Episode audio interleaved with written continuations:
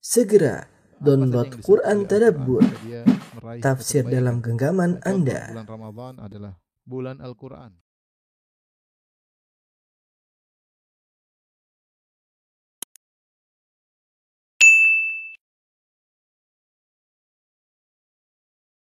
Bismillahirrahmanirrahim. Assalamualaikum warahmatullahi wabarakatuh. Alhamdulillahi ala ihsani wa syukru lahu ala taufiqihi wa amtinani. Asyhadu an la ilaha illallah wahdahu la syarika lahu ta'ziman li sya'nihi wa asyhadu anna Muhammadan abduhu wa rasuluhu da'ila ridwani. Allahumma salli alaihi wa ala alihi wa ashabihi wa ikhwani. Uh, Para jamaah uh, Masjid Tarbiyah Cilandak yang dirahmati Allah Subhanahu wa taala. Kita melanjutkan bahasan kita pada pertemuan lalu telah kita bahas tentang bagaimana uh, menjelang ajalnya Nabi sallallahu alaihi wasallam, bagaimana rasa sakit yang ditimpa oleh Nabi sallallahu alaihi wasallam menjelang wafatnya.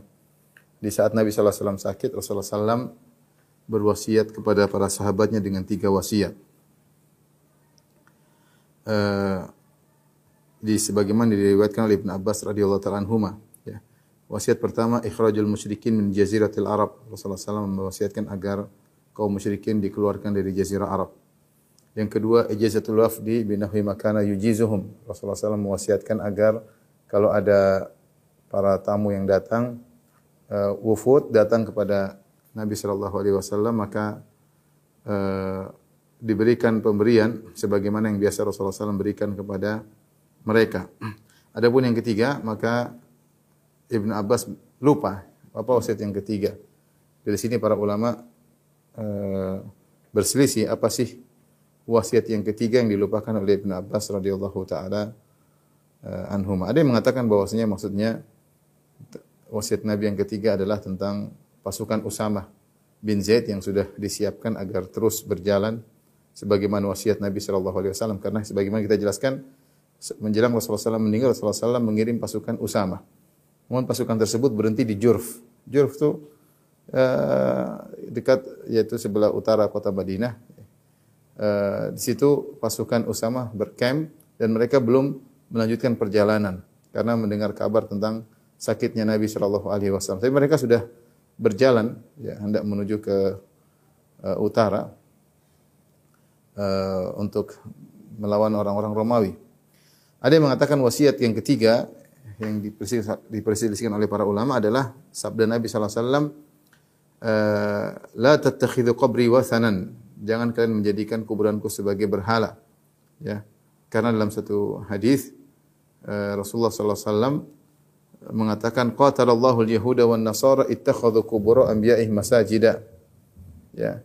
La yabqayanna dinani bi ardil arab. Ya Rasulullah mengatakan Allah memerangi orang Yahudi Nasara mereka menjadikan kuburan nabi-nabi mereka sebagai masjid-masjid. Dan tidak boleh ada dua agama yang tersisa di negeri Arab. Ya. E, bisa jadi yang ketiga adalah e, wasiat Nabi SAW, as-salat, as-salat wa ma malakat aimanukum. Perhatikan salat, perhatikan salat dan juga perhatikan budak-budak e, kalian. Itu di antara wasiat Nabi SAW. Ya. Wasiat-wasiat yang lain yang dijelaskan oleh para ulama menjelang wafatnya Nabi sallallahu alaihi wasallam tadi sudah kita singgung ya e, tadi salat salat malaikat aimanukum ini semua wasiat wasiat Nabi menjelang Rasulullah SAW wafat ya di antaranya tadi sudah kita singgung juga Rasulullah SAW berkata e, Allahumma la taj'al qabri wathanan la'anallahu qauman ittakhadhu kubur anbiya'i masajid ya Allah jangan kau jadikan kuburanku sebagai berhala Allah telah melaknat satu kaum yang menjadikan kuburan nabi-nabi mereka sebagai masjid. Dalam lafal yang lain, la tattakhidhu qabri idan. Jangan kau jadikan kuburanku sebagai id, yaitu uh, ini sudah kita bahas dalam syarah kitab tauhid, yaitu dikunjungi uh, uh, dalam waktu tertentu dengan jumlah rame-rame dalam waktu tertentu berulang-ulang ya. Ini di antara larangan Nabi sallallahu alaihi wasallam. Uh, di antaranya tadi Rasulullah SAW di akhir hayatnya melarang uh, kuburannya dijadikan seperti masjid sebagaimana kebiasaan orang-orang Nasara dan Yahudi ittakhadhu qubur anbiya'i masajida mereka menjadikan kuburan nabi-nabi mereka sebagai masjid kata Aisyah radhiyallahu taala anha laula dzalika la abrazu qabrahu ghairu annahu khusyiya an yuttakhadha masjida kalau bukan karena peringatan nabi ini tentu para sahabat akan menguburkan Nabi di luar rumahnya. Ya. Hanya saja mereka khawatir kalau dikuburkan di luar akan dijadikan tempat ibadah oleh orang-orang. Ya. Jadi ternyata kalau kita perhatikan Rasulullah SAW di akhir hayatnya perhatian masalah kuburan ya. Karena kuburan pengagungan terhadap kuburan adalah sarana uh, beribadah kepada penghuni penghuni kubur. Namun yang sangat menyedihkan seluruh rangan Nabi berkaitan dengan kuburan semuanya dilanggar. Rasulullah SAW melarang kuburan ditinggikan, kaum muslimin meninggikan kuburan bahkan dibuat kubah, bahkan dibuat masjid, bahkan dijadikan tempat salat, dijadikan tempat ibadah ya. Rasulullah SAW melarang kuburan di eh, semen maka di semen. Rasulullah SAW melarang kuburan ditulis maka ditulis, bahkan ditulis kaligrafi, bahkan dikasih biografinya macam-macam ya. Rasulullah SAW melarang kuburan di kasih penerangan, dikasih lampu, dikasih disuruh dilarang jadikan penerangan malah dibikin lampu, dibikin terang benderang ya. Uh, kemudian Rasulullah SAW melarang orang sholat ke arah kuburan, maka bahkan sebagian orang sholat ke arah kuburan, bahkan kuburan ditaruh di kiblat arah kiblat. Ini semua bentuk-bentuk larangan Nabi yang dilanggar. Dan eh, Rasulullah SAW kita tahu kalau orang sudah mau meninggal, dia pasti akan berwasiat dengan perkara-perkara yang penting. Kalau masalah kuburan tidak penting, kenapa Rasulullah SAW berwasiat menjelang wafatnya? Ya Rasulullah mengatakan, hati-hati jangan menjadikan kuburan Nabi sebagai masjid. Rasulullah SAW khawatir. Rasulullah SAW ingatkan. Sementara sebagian orang menganggap remeh. Masa ada orang minta kepada penghuni kubur. Maka seakan-akan seakan-akan wasiat Nabi ini hanyalah wasiat yang tidak ada manfaatnya. Silahkan kuburan ditinggikan, silahkan kuburan dihiasi, terserah bebas bebas bebasnya. Dan kenyataannya ada orang-orang yang minta kepada penghuni kubur. Dan ini adalah kebiasaan orang-orang Syiah Rafidah yang diikuti oleh sebagian kaum Sufia yang ekstrim. Taib, ketika Rasulullah SAW sedang sakit parah, Rasulullah SAW bertanya, ya, uh, menyuruh uh, Abu Bakar untuk menjadi imam. Jadi imam karena Rasulullah SAW tidak mampu untuk menjadi imam. Dari Aisyah radhiyallahu taala anha, beliau berkata, "Sakulan Nabi sallallahu alaihi wasallam waj'uhu." Rasulullah SAW sudah parah sakitnya, maka beliau berkata, "Asolan nas, orang sudah salat belum?" Kami menjawab, "La hum yantadhirunak." mereka belum salat wahai Rasulullah, mereka sedang menunggumu. Kata Rasulullah SAW, Da'uli ma'an fil mikhdab. Ambilkan air, letakkan di mikhdab. Mikhdab itu sebagai semacam tempat, semacam mungkin bak, yang untuk mencuci pakaian. Rasulullah SAW ingin mandi di situ. Kata istri-istri Nabi, jadi istri Nabi kumpul di rumah Aisyah radhiyallahu taala anha. Fafa'alna kami pun menyiapkan air. Kemudian Rasulullah SAW mandi, Kemudian Rasulullah SAW hendak bangkit menuju masjid, fa'ukmi alaihi. Kemudian Rasulullah SAW pingsan. Kemudian beliau sadar, beliau berkata, asolan nas. Lihat bagaimana perhatian Nabi kepada salat. Begitu sadar Rasulullah bertanya, apakah orang-orang sudah salat? Mereka berkata, kami berkata, istri-istri Nabi berkata, la hum yantadhirunak ya Rasulullah. Belum, mereka masih menantimu ya Rasulullah. Rasulullah bilang, dha'uli al-ma' fil mikhdab. Ambil lagi air, saya ingin mandi. Kemudian Rasulullah SAW pun duduk di semacam bak, Rasulullah SAW mandi, Rasulullah merasakan dirinya ringan seakan-akan kuat. Rasulullah ingin berdiri untuk sholat berjamaah. Tiba-tiba Rasulullah SAW pingsan lagi. Ketika beliau sadar, beliau bertanya lagi, Asolan nas? Orang-orang sudah sholat. Kami menjawab, La, hum yang itu kayak Rasulullah. Belum, mereka masih menunggu engkau. Rasulullah sudah pingsan dua kali. Rasulullah SAW berkata lagi, Dha'u li al-ma' fil mikhlab. Ambil air, letakkan di uh, mikhlab, di tempat air tersebut. Rasulullah SAW pun duduk, kemudian beliau mandi, Kemudian beliau ingin berangkat menuju masjid, fa'ukmiya alaih Rasulullah SAW pingsan lagi. Pingsan tiga kali. Kemudian Rasulullah SAW berkata, asolan nas, orang sudah salat belum? Kulna la, mereka belum salat ya Rasulullah. Hum yantadhirunaka. Mereka semua menunggumu ya Rasulullah. Orang-orang wa nasu ukufun fil masjid yang tadhirun Nabi SAW di salatil isya'il akhir. Orang-orang semua diam di masjid. Nunggu kapan Nabi keluar untuk salat isya' tatkala Rasulullah SAW sudah tidak mampu untuk salat, maka Rasulullah SAW menyuruh mengirim utusan kepada Abu Bakar ya untuk meminta Abu Bakar jadi imam. Fa'atahu Rasul, maka utusan Nabi datang kepada Abu Bakar radhiyallahu anhu. Kemudian utusan Nabi berkata, "Inna Rasulullah SAW ya'muruka an tusalliya bin nas." Wahai Abu Bakar, Rasulullah SAW telah merintahkan engkau untuk jadi imam. Ya. Dan Rasulullah SAW, Abu Bakar adalah seorang yang rakik, yang halus, orang yang lembut. Beliau berkata, "Ya Umar, salli bin nas wahai Umar, jadi imam." Kata Umar, anta ahakku bidzalik, engkau lebih utama. Akhirnya beberapa hari tersebut Abu Bakar yang menjadi menjadi imam. Abu Bakar yang menjadi menjadi imam. Dalam sebagian riwayat Rasulullah SAW mengatakan udu'u udu'u aliyan, panggil Ali. Kemudian panggil Abu Bakar. Panggil Al-Abbas. Kemudian Rasulullah SAW berkata, liyusalli bin nasi Abu Bakar. Yang jadi imam adalah Abu Bakar. Ini kita ambil faedah Rasulullah SAW semangat beribadah. Meskipun dalam kondisi sakit parah, bahkan pingsan-pingsan. Bukan seperti perkataan orang-orang sufia ekstrim yang mengatakan kalau sudah sampai derajat hakikat tidak perlu sholat lagi. Kalau sudah sampai derajat hakikat tidak perlu sholat, sholat lagi. Ini adalah kedustaan ya. Siapa yang lebih mencapai hakikat daripada Nabi Shallallahu Alaihi Wasallam? Itu pun Nabi Shallallahu Alaihi Wasallam tetap semangat sholat meskipun sampai pingsan-pingsan. Uh, dalam sebagian riwayat Aisyah radhiyallahu taala uh, anha ya uh, berkata ya kata Aisyah radhiyallahu taala anha ya Rasulullah inna Abu Bakrin rajulun raqiq Kata Aisyah, ya Rasulullah, Abu Bakar adalah seorang yang lembut. Idza qara al-Qur'an la yamliku dam'ahu. Kalau dia baca Quran jadi imam, dia sulit menahan air matanya. Artinya sulit jadi imam, nanti orang enggak dengar bacaannya. Falau amarta ghairu Abi Bakar, seandainya kau suruh orang lain jadi imam, jangan Abu Bakar. Sampai Rasulullah SAW mengatakan, Muru Abu Bakar li bin nas. Suruh Abu Bakar jadi imam. Aisyah mengatakan, ya Rasulullah, Abu Bakar tuh orangnya lembut, suka nangis. Nanti enggak kedengaran. Suruh yang lain suaranya keras seperti Umar atau yang lainnya. Sampai Rasulullah SAW mengatakan, Inna kunna sawahibu Yusuf. Liyusalli bin nasi Abu Bakar. Hendaknya Abu Bakar jadi imam. Kalian para wanita hanyalah teman-temannya seperti uh, kisah para wanita bersama Nabi Yusuf. Maksudnya apa?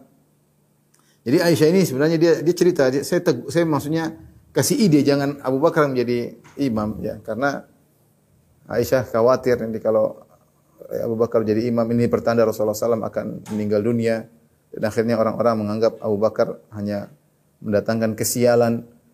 Kenapa dia yang jadi imam? Ketika jadi imam akhirnya Rasulullah SAW meninggal dunia. Dia tidak ingin orang-orang membicarakan apa namanya ayahnya. Ya. Tapi Rasulullah SAW sudah mengatakan yang jadi imam adalah uh, Abu Bakar. Jadi Rasulullah SAW mengatakan engkau wahai Aisyah mirip seperti kisah para wanita bersama Nabi Yusuf. Dari mana kisah, kemiripannya? Maksudnya apa? Maksudnya Aisyah ngomong sesuatu tapi tujuannya lain. Rasulullah ngerti. Dia bilang, ya Rasulullah, sungguhnya Abu Bakar itu kalau baca Quran mudah nangis. Jangan dia jadi imam. Tapi Rasulullah ngerti.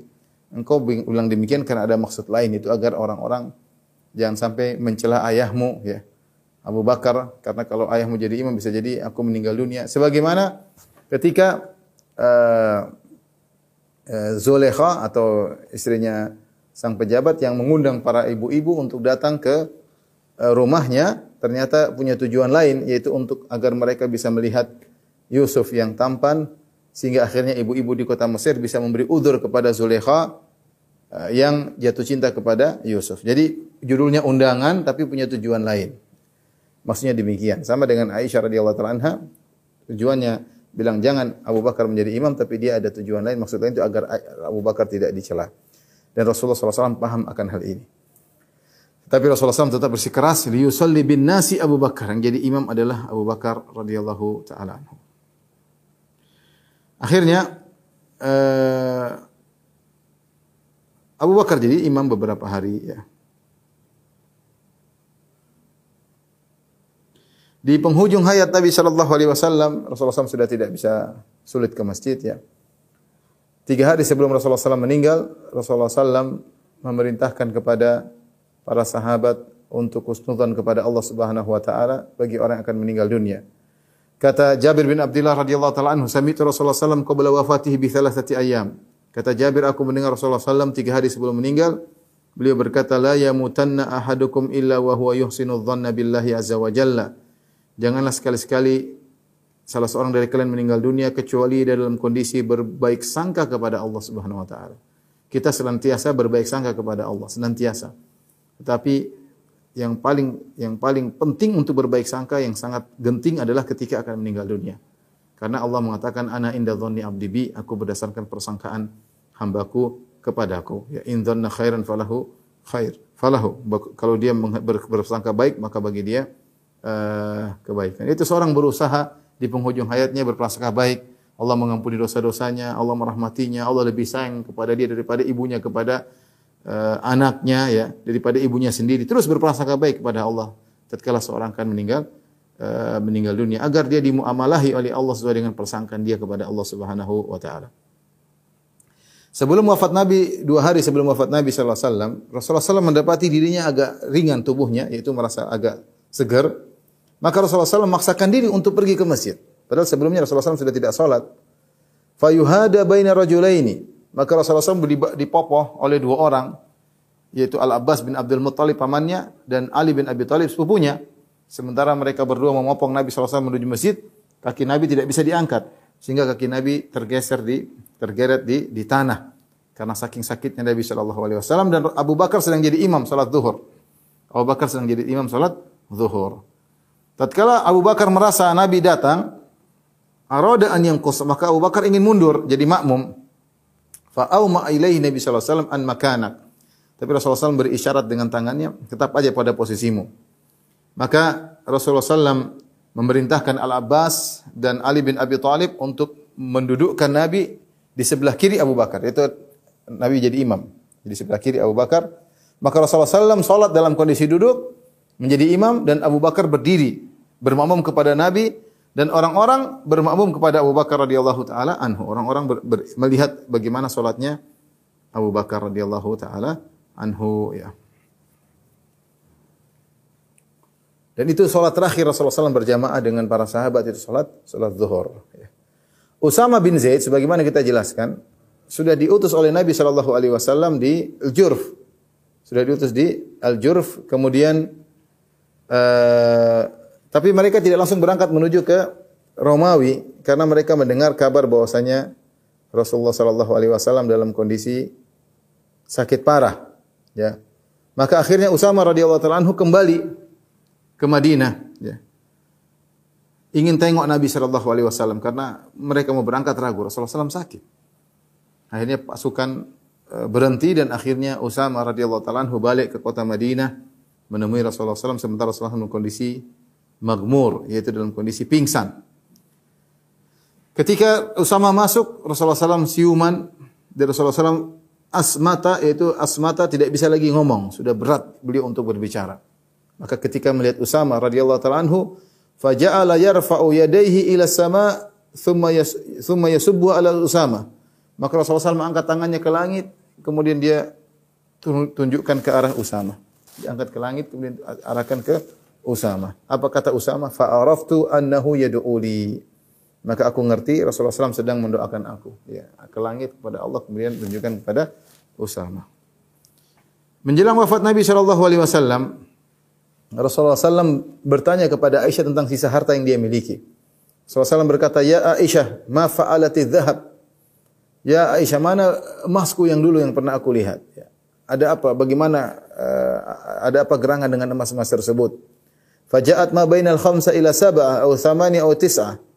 Maka Aisyah datang membawa sekitar mungkin 6, 7, 8 atau 9 dinar kepingan emas Faja'ala yuqallibuha biyadihi. Maka Rasulullah SAW membolak-balikkan emas tersebut di tangannya, kepingan-kepingan emas atau dinar tersebut. Rasulullah SAW berkata, "Ma dhannu Muhammadin billahi azza wa jalla law laqiyahu wa hadhi indahu anfiqiha." Apa persangkaan Muhammad terhadap Allah Subhanahu wa taala? Jika Muhammad bertemu dengan Allah sementara ini dinar masih ada di tangannya. Anfiqiha, infakkan seluruh harta tersebut. Sehingga Rasulullah SAW meninggal dalam kondisi tidak ada harta yang ada di tangannya sama sekali. Ini menunjukkan bagaimana Rasulullah SAW ingin bertemu dengan Allah sementara tidak ada dunia yang beliau, bawa. Al-Imam Muslim meriwayatkan dalam sahihnya dari Aisyah radhiyallahu taala anha, Aisyah berkata, "Ma taraka Rasulullah SAW dinaran wala dirhaman wala syatan wala ba'iran wala awsa bi syai'." Rasulullah SAW ketika meninggal tidak ada yang dia bawa, tidak ada dirham yang tidak ada yang ditinggalkan. Tidak ada sekeping dinar yang dia tinggalkan. Tidak ada sekeping dirham yang dia tinggalkan. Tidak ada seekor kambing yang dia tinggalkan, harta milik Nabi. Tidak ada seekor unta yang beliau tinggalkan. Meninggal dalam kondisi tidak memiliki apa-apa. Bahkan kita tahu Rasulullah SAW meninggal dalam kondisi uh, punya hutang uh, terhadap seorang Yahudi. Bukan hutang, tapi gadai. Rasulullah SAW menggadaikan baju perangnya karena harus berhutang atau untuk membeli membeli gandum untuk makan istri-istrinya. Rasulullah SAW Rasulullah meninggal hari Senin ya. Hari Senin tanggal 12 Rabiul Awal di waktu duha. Di malam Senin Rasulullah SAW eh, dalam kondisi bermalam dalam kondisi eh, sakit parah. Tatkala tiba waktu fajar, salat fajar, Rasulullah SAW tiba-tiba mufiqan yaitu eh, apa kayak rasa dirinya enak ya, rasa tubuhnya enak. Ya. Kemudian para sahabat sedang salat, fa kasyafa sitral hujrah. Wa nadhara il nasi wa hum susufun khalfa Abi Bakar. Maka ketika itu salat subuh, ini salat subuh terakhir Rasulullah SAW melihat para sahabat. Hari Senin tanggal 12 Rabiul Awal tahun 11 Hijriah. Para sahabat sedang salat subuh dan imam mereka adalah Abu Bakar radhiyallahu taala anhu. Kemudian mereka sedang bersaf-saf, saf-saf dengan rapi di belakang Abu Bakar. Maka Rasulullah SAW berdiri. Kemudian beliau membuka sitar yang ada di di rumah Nabi di hujrah Nabi sallallahu alaihi wasallam. Kemudian Rasulullah SAW tersenyum. Kata Rasulullah SAW melihat mereka berkumpul pada seorang, bagaimana persatuan mereka, bagaimana kebersamaan mereka, sholat subuh berjamaah luar biasa. Inilah pemandangan terindah yang Rasulullah SAW lihat. Rasulullah sangat senang lihat bagaimana murid-muridnya sholat subuh berjamaah dengan rapi, teratur. Anas bin Malik meriwayatkan akan hal ini. Beliau berkata, Hatta idha kana yaumul ithnaini wa hum sufufun bis salat. Sehingga pada hari Senin, yaitu hari wafatnya Nabi SAW, orang-orang sedang bersaf-saf dalam salat.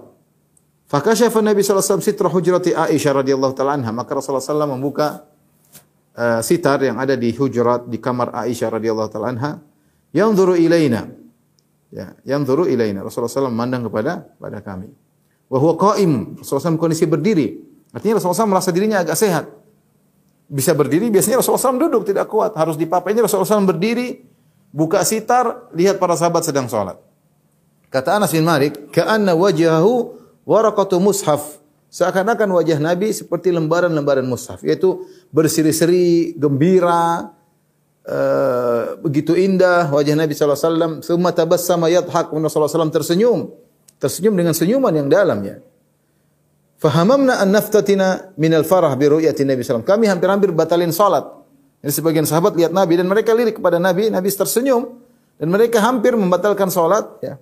Karena begitu gembira melihat Nabi sallallahu alaihi wasallam. Fanaqasa Abu Bakar al-aqibai liyasil liyasil saf. Abu Bakar pun mundur pingin gabung di saf berharap Nabi jadi imam karena Nabi berdiri.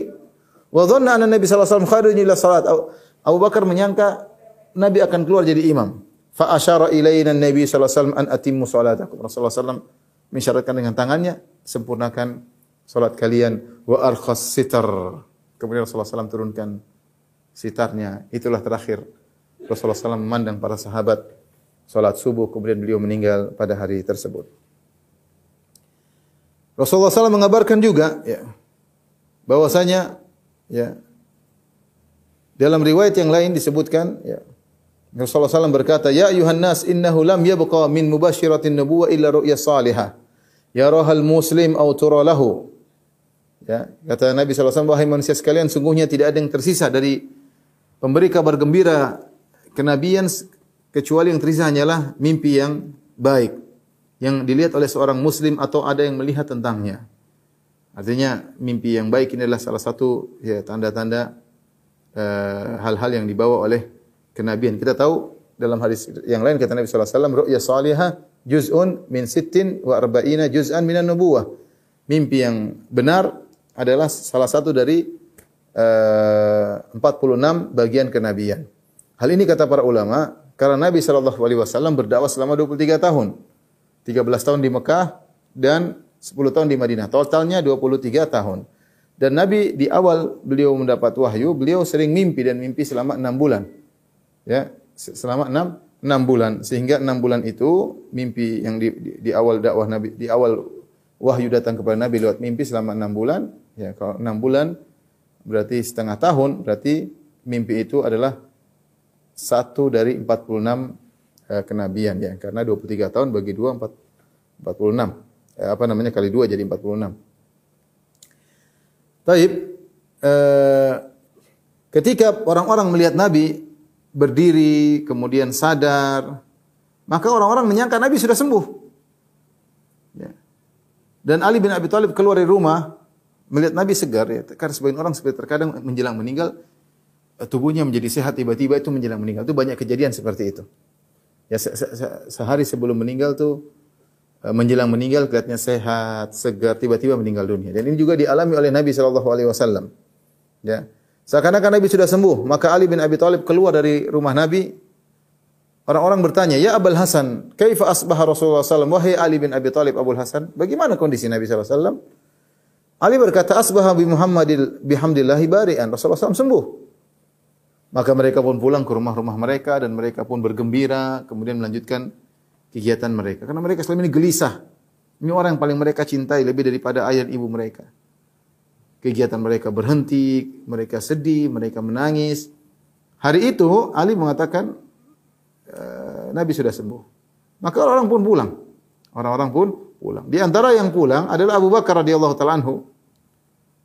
Abu Bakar radhiyallahu anhu minta izin kepada Nabi sallallahu alaihi wasallam agar dia pulang ke sunnah. Sunnah itu agak jauh dari Masjid Nabawi, masih di kota Madinah di awali, daerah dekat Kuba sana, tapi agak jauh. Jadi dia ingin selalu dekat dengan Nabi sallallahu alaihi wasallam.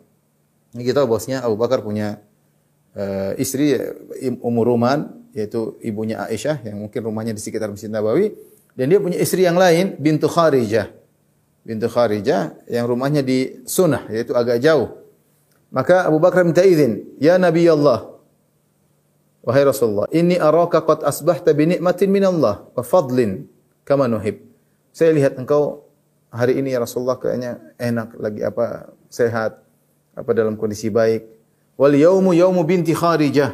Dan ini adalah hari ini adalah hari jatah nginapnya istriku yang lain bintu Kharijah. Afa atiha apakah boleh aku datang kepadanya karena ini jatah jatah nginapnya. Faqala lahu Rasulullah SAW, na'am. Iya. Akhirnya Abu Bakar pergi ke sana, ke sunnah. Tempat yang jauh, agak jauh. Untuk bertemu dengan istrinya yang yang lain. Dan ternyata Rasulullah SAW itu sehat cuma sebentar, kemudian beliau meninggal, meninggal dunia. Ya. Uh, ternyata setelah itu sakit Nabi semakin parah. Rasulullah SAW kemudian berbaring fataja'a fi hijri Aisyah berbaring di pangkuan Aisyah radhiyallahu taala anha. Dan dia mengalami keberatan itagasyahul karbu syadid dalam kondisi agak parah. Sampai putrinya Fatimah ada hadir ketika itu ya, melihat apa yang dialami oleh Nabi sallallahu alaihi wasallam. Saya Fatimah berkata wa karba abata. Sungguh berat penderitaanmu wahai ayahanda. Maka Rasulullah SAW mengatakan kepada Fatimah la karba ala abiki ba'dal yaum tidak ada penderitaan lagi terhadap ayahmu setelah ini hari terakhir saya menderita.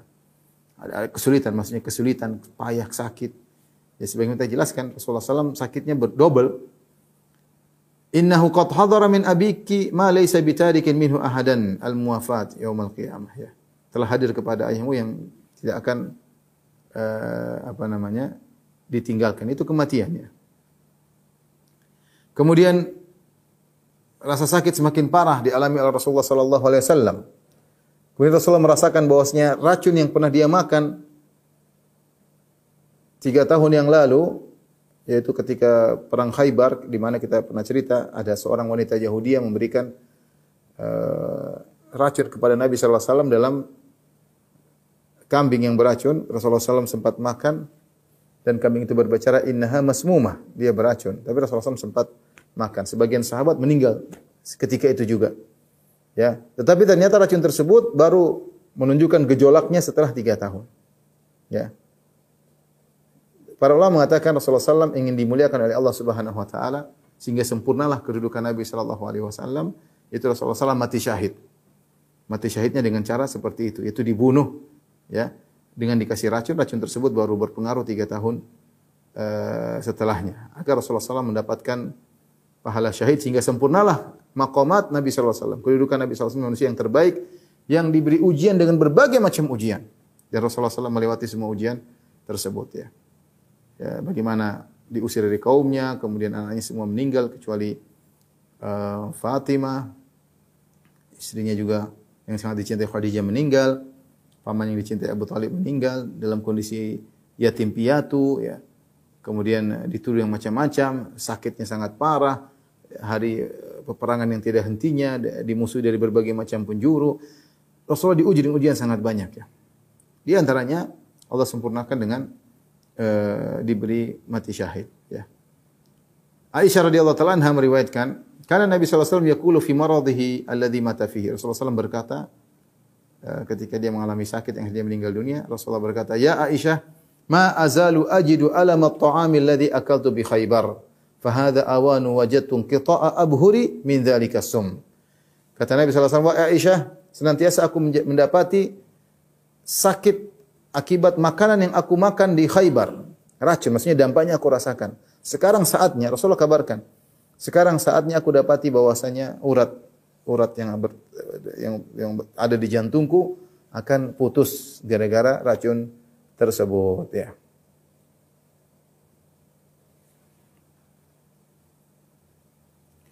Ibnu Mas'ud radhiyallahu taala anhu dalam sanad yang sahih dalam riwayat Imam dalam Imam Ahmad dalam Musnadnya dan Hakim Ibnu Mas'ud berkata, "La an ahlifa billahi tis'an, anna Rasulullah SAW kutila qatlan ahabu ilayya min an ahlifa wahidatan, wa dzalika bi anna Allah azza wa jalla ittakhadahu nabiyyan wa ja'alahu syahidan." Kata Ibnu Mas'ud, aku bersumpah sembilan kali dengan nama Allah, demi Allah, demi Allah, demi Allah, demi Allah sampai sembilan kali. Ya, bahwasanya Rasulullah SAW telah dibunuh lebih aku suka daripada aku bersumpah cuma sekali. Kenapa saya berani bersumpah sembilan kali? Karena Allah menjadikan Muhammad sebagai nabi dan Allah menjadikan dia mendapatkan pahala syahid. Mati syahid.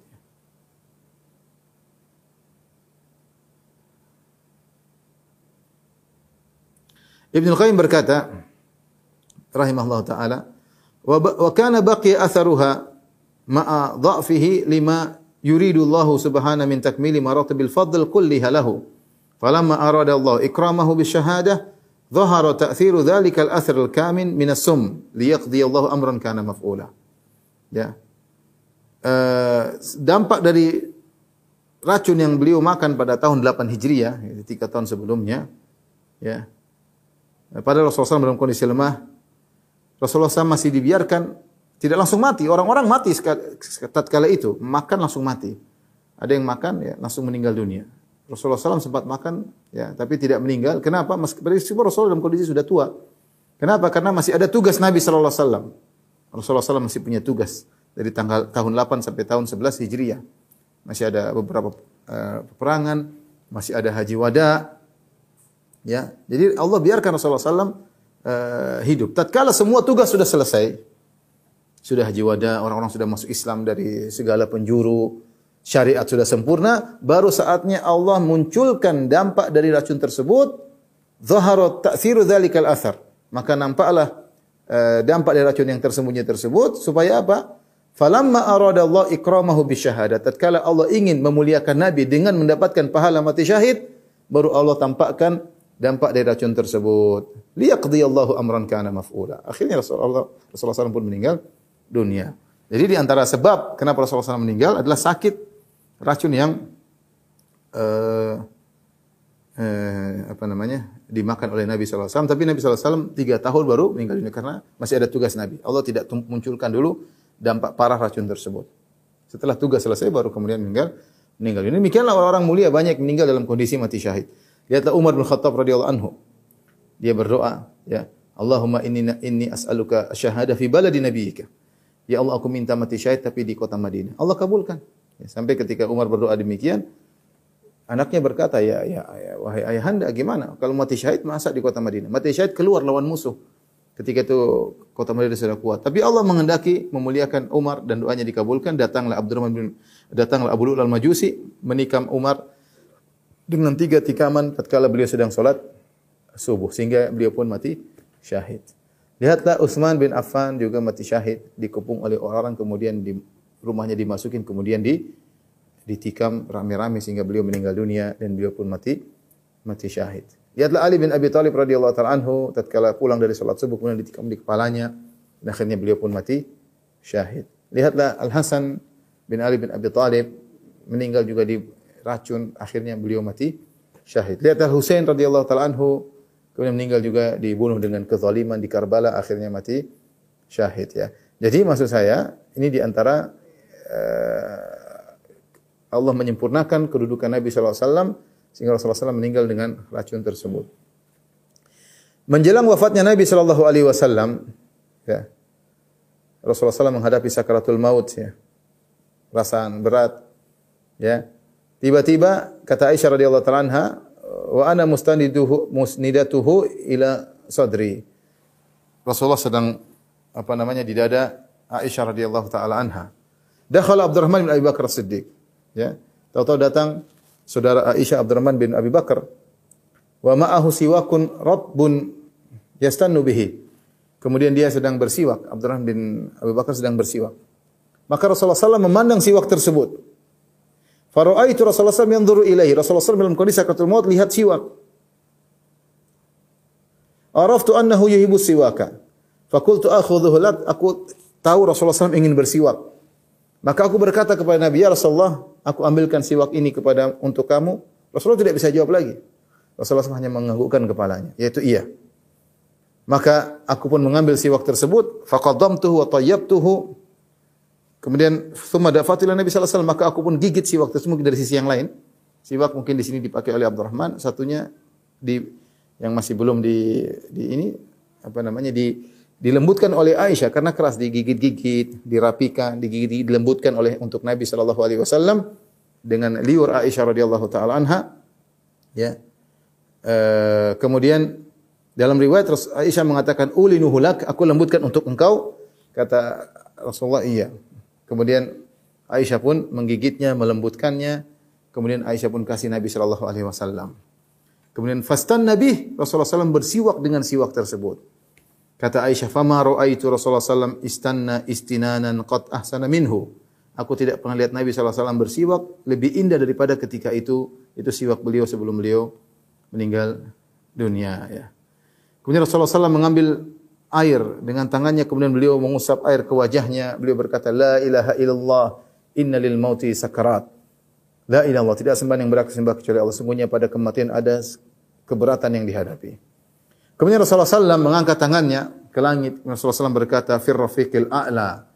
Aku memilih bersama uh, Rafiqil A'la yang mengatakan Rafiqil A'la maksudnya bersama Allah Subhanahu wa taala, ada yang mengatakan Rafiqil A'la maksudnya rombongan-rombongan yang dimuliakan oleh Allah di langit sana.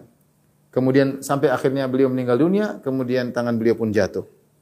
Dalam riwayat yang lain, Rasulullah SAW berkata, "Ma'alladzina an'amallahu alaihim minan nabiyyin was-siddiqin wasyuhada'i was-salihin wa hasuna ulaika rafiqa."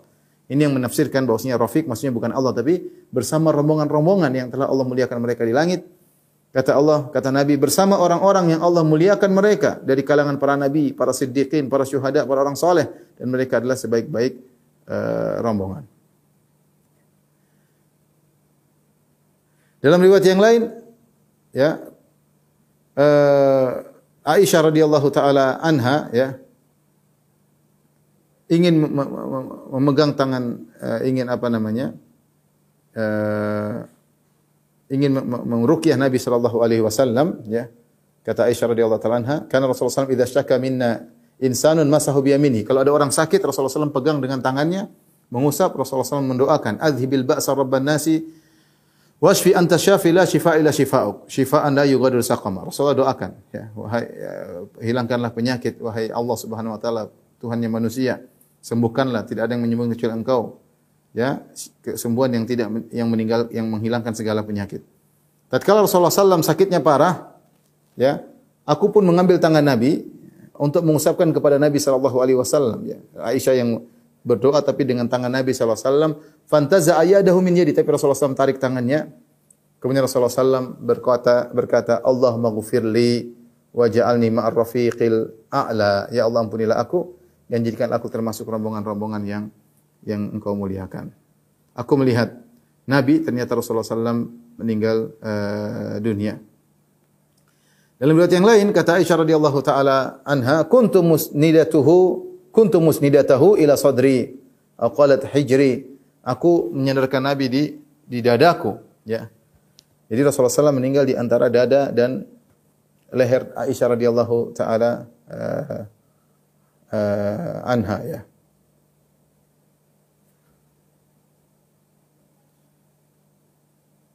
Kata Aisyah radhiyallahu taala anha, "Qubida Rasulullah sallallahu alaihi wasallam wa ra'suhu baina sahri wa nahri." Rasulullah SAW dicabut nyawanya oleh Allah Subhanahu Wa Taala dan posisi kepala Nabi di antara dadaku dan leherku, yaitu di antara sini dan di sekitar sini ya. di posisi kepala Nabi sallallahu alaihi wasallam. Falamma kharajat nafsuhu, tatkala keluar nyawanya, lam ajid rihan qat atyaba minha. Aku tidak mencium aroma yang terbaik seperti aroma ketika ruh Nabi dikeluarkan dari jasad Nabi sallallahu alaihi wasallam ya.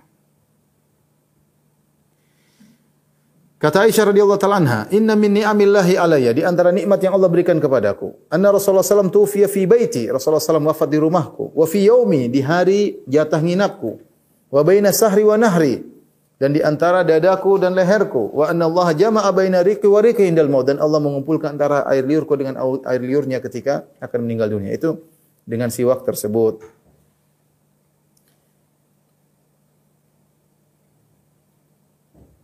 Inilah Rasulullah sallallahu alaihi wasallam ya. Akhirnya beliau pun meninggal beliaulah manusia terbaik di alam semesta ini ya. Beliau meninggal dalam kondisi tidak meninggalkan harta apa pun, tidak ada dinar, tidak ada dirham ya. Tidak meninggalkan seorang anak pun kecuali Fatimah radhiyallahu taala uh, anha ya. Tapi beliau meninggalkan syariat yang mulia, sunnah-sunnah Nabi yang merupakan sumber kebahagiaan ya maka tugas kita adalah uh, menjalankan sunnah-sunnah tersebut berpegang teguh dengan sunnah-sunnah tersebut sampai kita bertemu dengan Nabi sallallahu alaihi wasallam di telaga Nabi sallallahu alaihi wasallam di padang mahsyar. Beliau wafat pada tahun 11 Hijriah hari Senin tanggal 12 Rabiul Awal uh, di waktu duha, di waktu duha.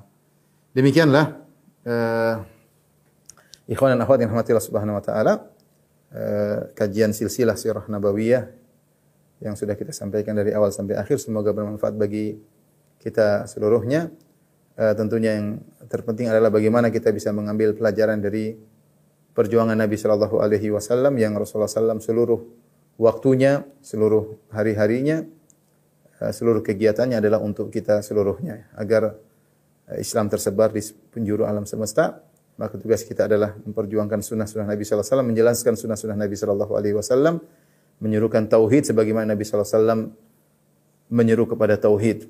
Sungguhnya di zaman ini ya masih banyak orang-orang yang ingin mematikan cahaya tauhid, mencampur andukan antara tauhid dengan kesyirikan dan masih banyak orang berusaha memudarkan sunnah dengan bid'ah-bid'ah yang mereka munculkan.